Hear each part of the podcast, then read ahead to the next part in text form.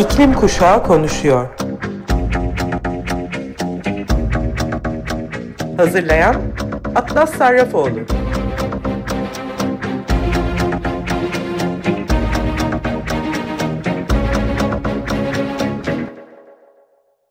Hepinize merhaba Sayın Açık Radyo dinleyicileri. İklim Kuşağı Konuşuyor programına hepiniz hoş geldiniz. Bu hafta sizlere iki haftadır bahsini ettiğim genç iklim hareketi üzerine yapılmış çalışmaları derlemiş makalenin son bölümünü iletmek istiyorum. Son yıllarda gençlerin iklim aktivizmi konusunda önemli çalışmalar yapılmış olsa da bu yeni bir çalışma grubu olduğundan önemli boşluklar ve sınırlamalar bulunmakta. Bu son bölümde büyüme ve genişleme fırsatlarını belirlemişler. Beyaz aktivizminin ötesine geçmek başlıklı bölüme bakalım. Mevcut çalışmaları genişletmek için ilk fırsat küresel güney olarak adlandırılan bölgelerde ve dünya çapındaki ötekileştirilmiş topluluklarda iklim aktivizmine ilişkin mevcut literatürdeki boşluktur.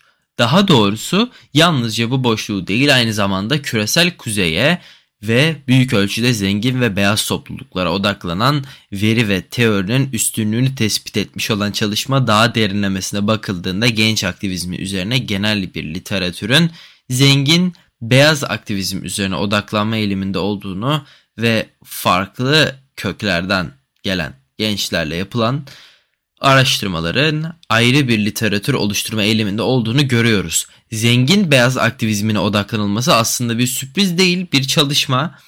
Ee, ana akım çevreciliğinin varsayılan bir beyaz alan olduğunu e, savunuyor ve dolayısıyla çevrecilikte bir hesap verilebilirlik etiği çağrısında bulunuyor. Çünkü mevcut verilerin çoğu yalnızca Avrupa, Amerika Birleşik Devletleri, e, Avustralya ve Yeni Zelanda'daki gençlere odaklanmakta. İklim aktivizmine katılan gençlerin kompozisyonunu incelemek söz konusu olduğunda bu özellikle dikkat çekici.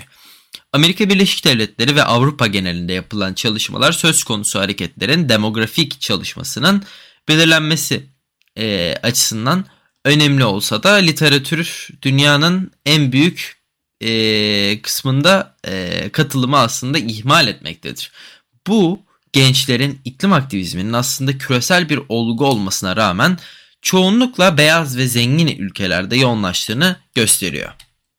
Araştırmacılar aslında sadece çevreye verilen zararın adaletsiz etkilerinden değil aynı zamanda araştırma ve bilginin adaletsiz dağılımından da sorumlu olmalıdır. Bu nedenle daha fazla araştırma yapılması gereken önemli alanlardan biri küresel güneyde gençlerin öncülük ettiği iklim aktivizminin incelenmesidir. Gerçekten de bilim insanları ve haber medyası Pasifik adaları, Hindistan ve Afrika ülkeleri gibi yerlerde gençlerin iklim aktivizmini belgeledi. Ancak aktivizmi küresel kuzeyde merkeze alan araştırmacılar kimin çevreyi önemsediği ve kimin çevre üzerinde hareket ettiği konusunda yanlış fikirleri öne sürüyorlar. Bu boşluk aktivizm motivasyonları ve gençlerin iklim değişikliğini nasıl anladığı ve iklim değişikliği konusunda nasıl harekete geçtiği gibi daha incelikli konulara gelindiğinde de dikkat çekiyor. Küresel kuzey ve güneyde iklim değişikliğinin nasıl yaşandığı konusunda önemli farklılıklar olduğundan da bu durum sorunludur. Küresel kuzey karbon emisyonlarının büyük çoğunluğundan sorumluyken küresel güney iklim değişikliğinin en kötü etkilerini yaşayacak. Ek olarak küresel güneydeki ülkeler fosil yakıtları açısından orantısız bir şekilde sömürülmekte ve küresel siyaset söz konusu olduğunda daha yüksek düzeyde marjinallik yaşamaktadırlar. Ve küresel güneydeki gençler tarihsel olarak kaynakların bozulmasından ve çevresel nedenlerden en kötü etkilenen kurbanlar olarak tanımlanmıştır. Bu nedenle araştırmayı küresel güneydeki gençleri kapsayacak şekilde genişletmek için büyük bir fırsat var. Küresel güneyde yapılan çalışmalar da genişletilebilir. Küresel kuzeyde iklim değişikliğiyle farklı ilişkileri olan popülasyonlar da var. Küresel kuzeyde hali hazırda marjinal yaşayan gruplar yani beyaz olmayan, yerli, düşük gelirli veya engelli nüfuslar, göçmen topluluklar ve LGBT toplulukları genellikle daha az sera gazı üretiminde katkıda bulunmalarına rağmen iklim değişikliğinden de ee, ve fosil yakıt çıkarımından da orantısız bir şekilde etkileniyorlar.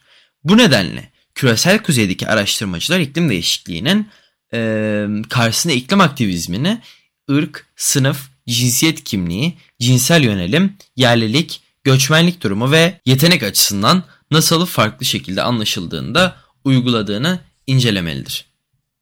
Mevcut literatürün bir diğer önemli sınırlaması kitlesel eylemlerin aşırı vurgulanmasıdır.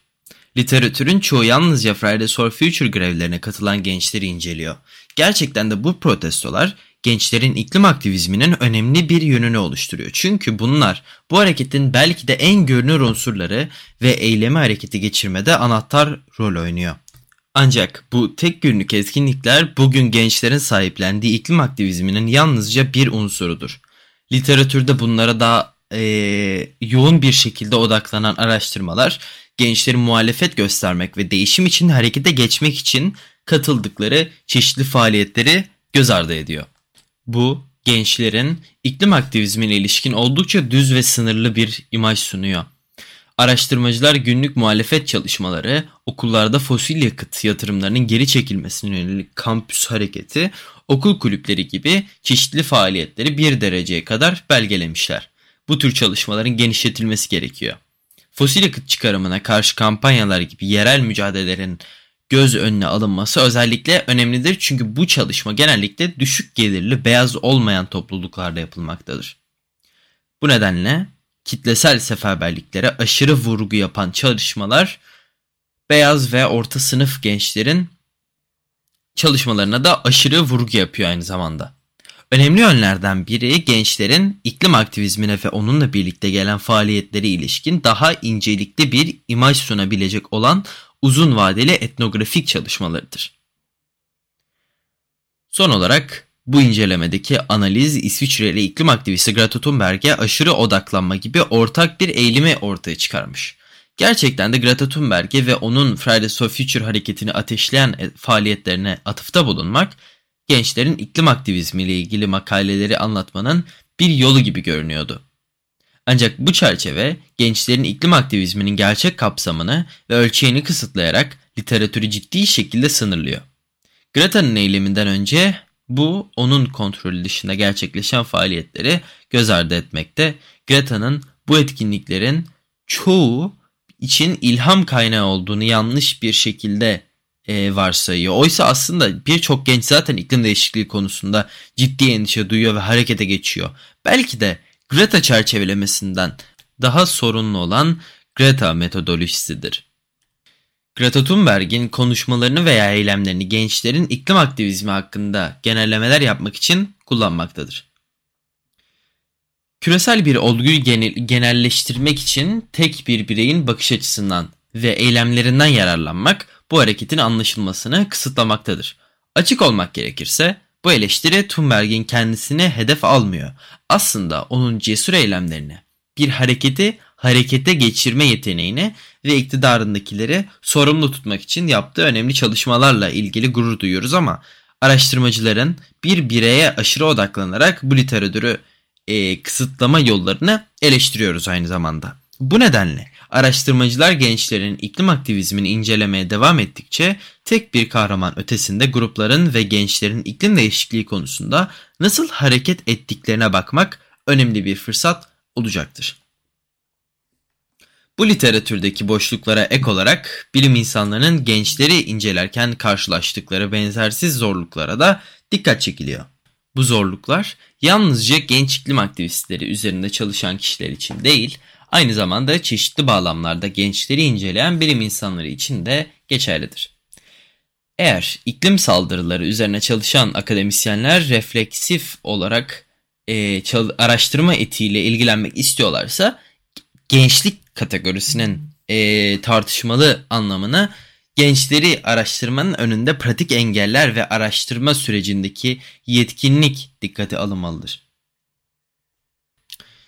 Gençlerin aktivizmini araştırmanın temel zorluklarından biri gençlik kavramını ve genç insanı tanımlama şeklimizde yatmakta. Gençleri tanımlamak için kullanılan terimler disiplinler arasında büyük farklılıklar göstermektedir. Gençlik kavramı toplumsal olarak inşa edilmiştir ve dolayısıyla farklı bağlamlarda farklı anlamlara da sahiptir. Gençliğin evrensel bir kategori olmadığı ve tüm sosyal bağlamlarda aynı anlama gelmediği demek oluyor. Ancak gençlerin net veya mutlak bir tanımı yok ve bu gerçekte kimin genç sayıldığına dair söylemi siyasetle ilişkileri üzerine yapılan çalışmalarda neden bu kadar e, sıklıkla göz ardı edildiğini açıklamaya yardımcı olabilir. Ancak bir şey açık. Genelleme yapmamak ve tüm gençleri sanki nesnel bir şekilde homojen bir demografik topluluk oluşturuyorlarmış gibi aynı kefeye koymamak önemli. Gençlerin farklı geçmişleri, bakış açıları ve ilgi alanları var. Farklı siyasi yönelimlere sahipler ve siyasete katılım türleri ve düzeyleri bile farklı. Gençliği tanımlamanın zorluklarına ek olarak gençlerin araştırmanın, gençleri araştırmanın pratik zorlukları da vardır. Önemli nedenlerden dolayı araştırma bağlılığında gençlere genellikle korumalı statü verilmektedir. 18 yaşın altındaki herkes reşit sayılmıyor ve araştırmacıların genellikle bu gençlerle konuşmadan önce ebeveynlerinin iznini alması gerekiyor. Karmaşıklığa ek olarak bu kurallar küresel olarak değişmektedir.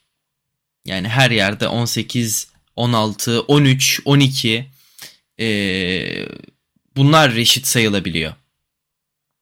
Bu korumalar önemli olsa da ebeveyn izni gençle ebeveynleri arasında zorla açıklama yapılması olasılığı gibi sorunlar yaratabilir. Yani rıza almanın zorluğu gençler üzerinde araştırma yaparken derinlemesine düşünmemiz gereken bir sorun haline geliyor. Bu karmaşıklıkları paylaşıyoruz çünkü dünyanın dört bir yanındaki gençleri incelemek isteyen araştırmacılar şu sorularla ilgileniyor. Bu popülasyonun araştırılması ile ilgili önemli ama zorlayıcı düzenlemelerin sınırları içinde nasıl rıza alırız ve gençlerin seslerini ve bakış açılarına nasıl dahil ederiz? Diğer araştırmacılar yetişkinliğin gençlerin önderlik ettiği iklim aktivizminde nasıl bir rol oynadığını belgelemiş olsa da makale yazarları yetişkinciliğin araştırma üzerinde nasıl işleyebileceğini ve farkında e, olunması gerektiğini savunuyor.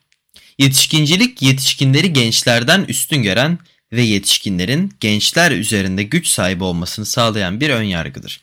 Her türlü sistematik eşitsizlik gibi yetişkinlik de öğrenciler ve öğretmenler arasında olduğu gibi tek bir alana indirgenmez.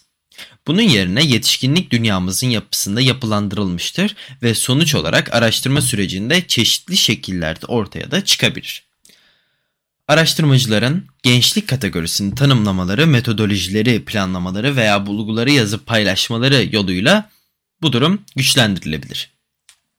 Buna meydan okumak için araştırmacıların bilimin kasıtlı veya kasıtsız olarak yetişkinliğe nasıl güçlendirebileceğini incelemeleri önemlidir. Bu genellikle analitik çerçeveler aracılığıyla gerçekleşir. Örneğin gençlerin aktivizmine genel olarak bakıldığında bilim insanlarının gençlerin siyasetle ilgilenmediği ve yetişkinlerin buna ihtiyaç duyduğu yetişkin varsayımını öne sürdüğü sıklıkla kullanılan genç açığı modeline dikkat çekiyor. Makale yazarları akademisyenlerin gençleri farklı ilgileri olan ve genç olmayı da içeren kesişimsel kimliklerle sahip olan ve aktif öğrenenler ve karar vericiler olarak görmesi gerektiğini savunuyorlar. Aslında benzer şekilde genç iklim aktivistlerini, grevlerini gözlemleyenlerden aktivizmi okuldan kaçma olarak etiketlemek yerine bunları siyasi bir eylem ve bir tür sivil itaatsizlik olarak ciddiye alan çocukça bir bakış açısı kullanmalarını isteyen araştırmalarda mevcut. Yetişkinciliğin gerçeklerinin farkında olmak, onu kökünden sökmek için önemli bir ilk adımdır. Araştırmada yetişkinliğe meydan okumaya başlamanın önemli bir yolu aslında bu makalenin başında yapılan çağrıda yatıyor. Gençlere birlikte bilginin katılımcı ortak üretimi için.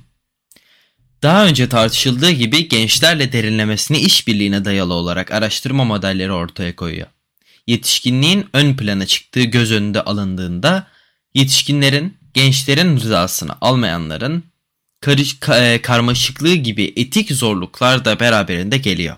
Ayrıca katılımcı araştırmalar hem gençler hem de akademisyenler için zaman alıyor. Bir yandan bu zaten okul, iş ve aktivizm gibi zamanlarını kullanarak ve çoğu zaman herhangi bir ücret almadan ya da onlara doğrudan bir fayda sağlamadan birden fazla taleple olağanüstü bir e, bir zaman geçiren genç aktivistlere daha çok şey soruyor. Bu aynı zamanda hızlı yayın taleplerinde bulunan neoliberal kurumlar bünyesinde faaliyet gösteren araştırmacılar için de bir zorluk oluşturuyor ve katılımcı araştırmaya zaman ayırmayı zorlaştırmış oluyor. Aslına bakılırsa bilim insanları yetişkinlerin yetişkinciliğin farkında olsalar ve etkin bir şekilde kökünü kazımaya çalışsalar bile bunun olası tüm zorlukları ortadan kaldırmadığını bulmuşlar. Örneğin Peru'da çalışan çocukların hareketi üzerine yaptığı e, araştırmada yola çıkan Taft, gençlerin otoritesini tanıyan iyi niyetli yetişkinler için bile yetişkinlere gençler arasındaki yapısal güç dengesizliğinden kaçınmanın zor olduğunu iddia ediyor. Bu bize yetişkinlerin insanların aktif olarak gençlik merkezli e, yöntemler geliştirmeye çalıştığı alanlara sızabileceğini hatırlatıyor. Katılımcı araştırma yapanlar bile bu olasılığa dikkat çekiyor. Gençlerin iklim aktivizmine ilişkin hali hazırda mevcut olan çalışmaların yanı sıra gelecekteki çalışmaların olumlu katkı sağlayabileceği literatürdeki boşluklar hakkında ayrıntılı bilgiler de mevcut bu makalede. Gerekli olan değişime liderlik etme sorumluluğu yalnızca zaman, finansman ve akademik normlar gibi kısıtlamalar halinde faaliyet gösteren araştırmacılara ait değildir. Bunun yerine bilgi üreten sistemlerin yeniden tasarlanmasına katkıda bulunulması da önemli. Genç iklim aktivisti Brian Afreun bize gerçek eğitim bazen sınıfın dışında gerçekleşir. İklim grevlerinin bunu gerçekten kanıtladığını düşünüyorum diyor. Son 3 haftadır gençlik liderliğindeki iklim hareketiyle ilgili çok az çalışmaya rastlıyorum. Yakın zamanda da artmalarını umuyorum. Bu gözlemlerin bana da içinde bulunduğum iklim aktivizmini daha iyi anlayabilme şansını verdiğini düşünüyorum. Bu yüzden de siz dinleyicilerimizle paylaşmak istedim. Gelecek hafta ise Kasım ayı sonunda Dubai'de başlayacak COP28 ile ilgili konulara bakmayı umuyorum. Ben Atlas Sarrafoğlu. İklim Kuşağı Konuşuyor programını dinlediniz.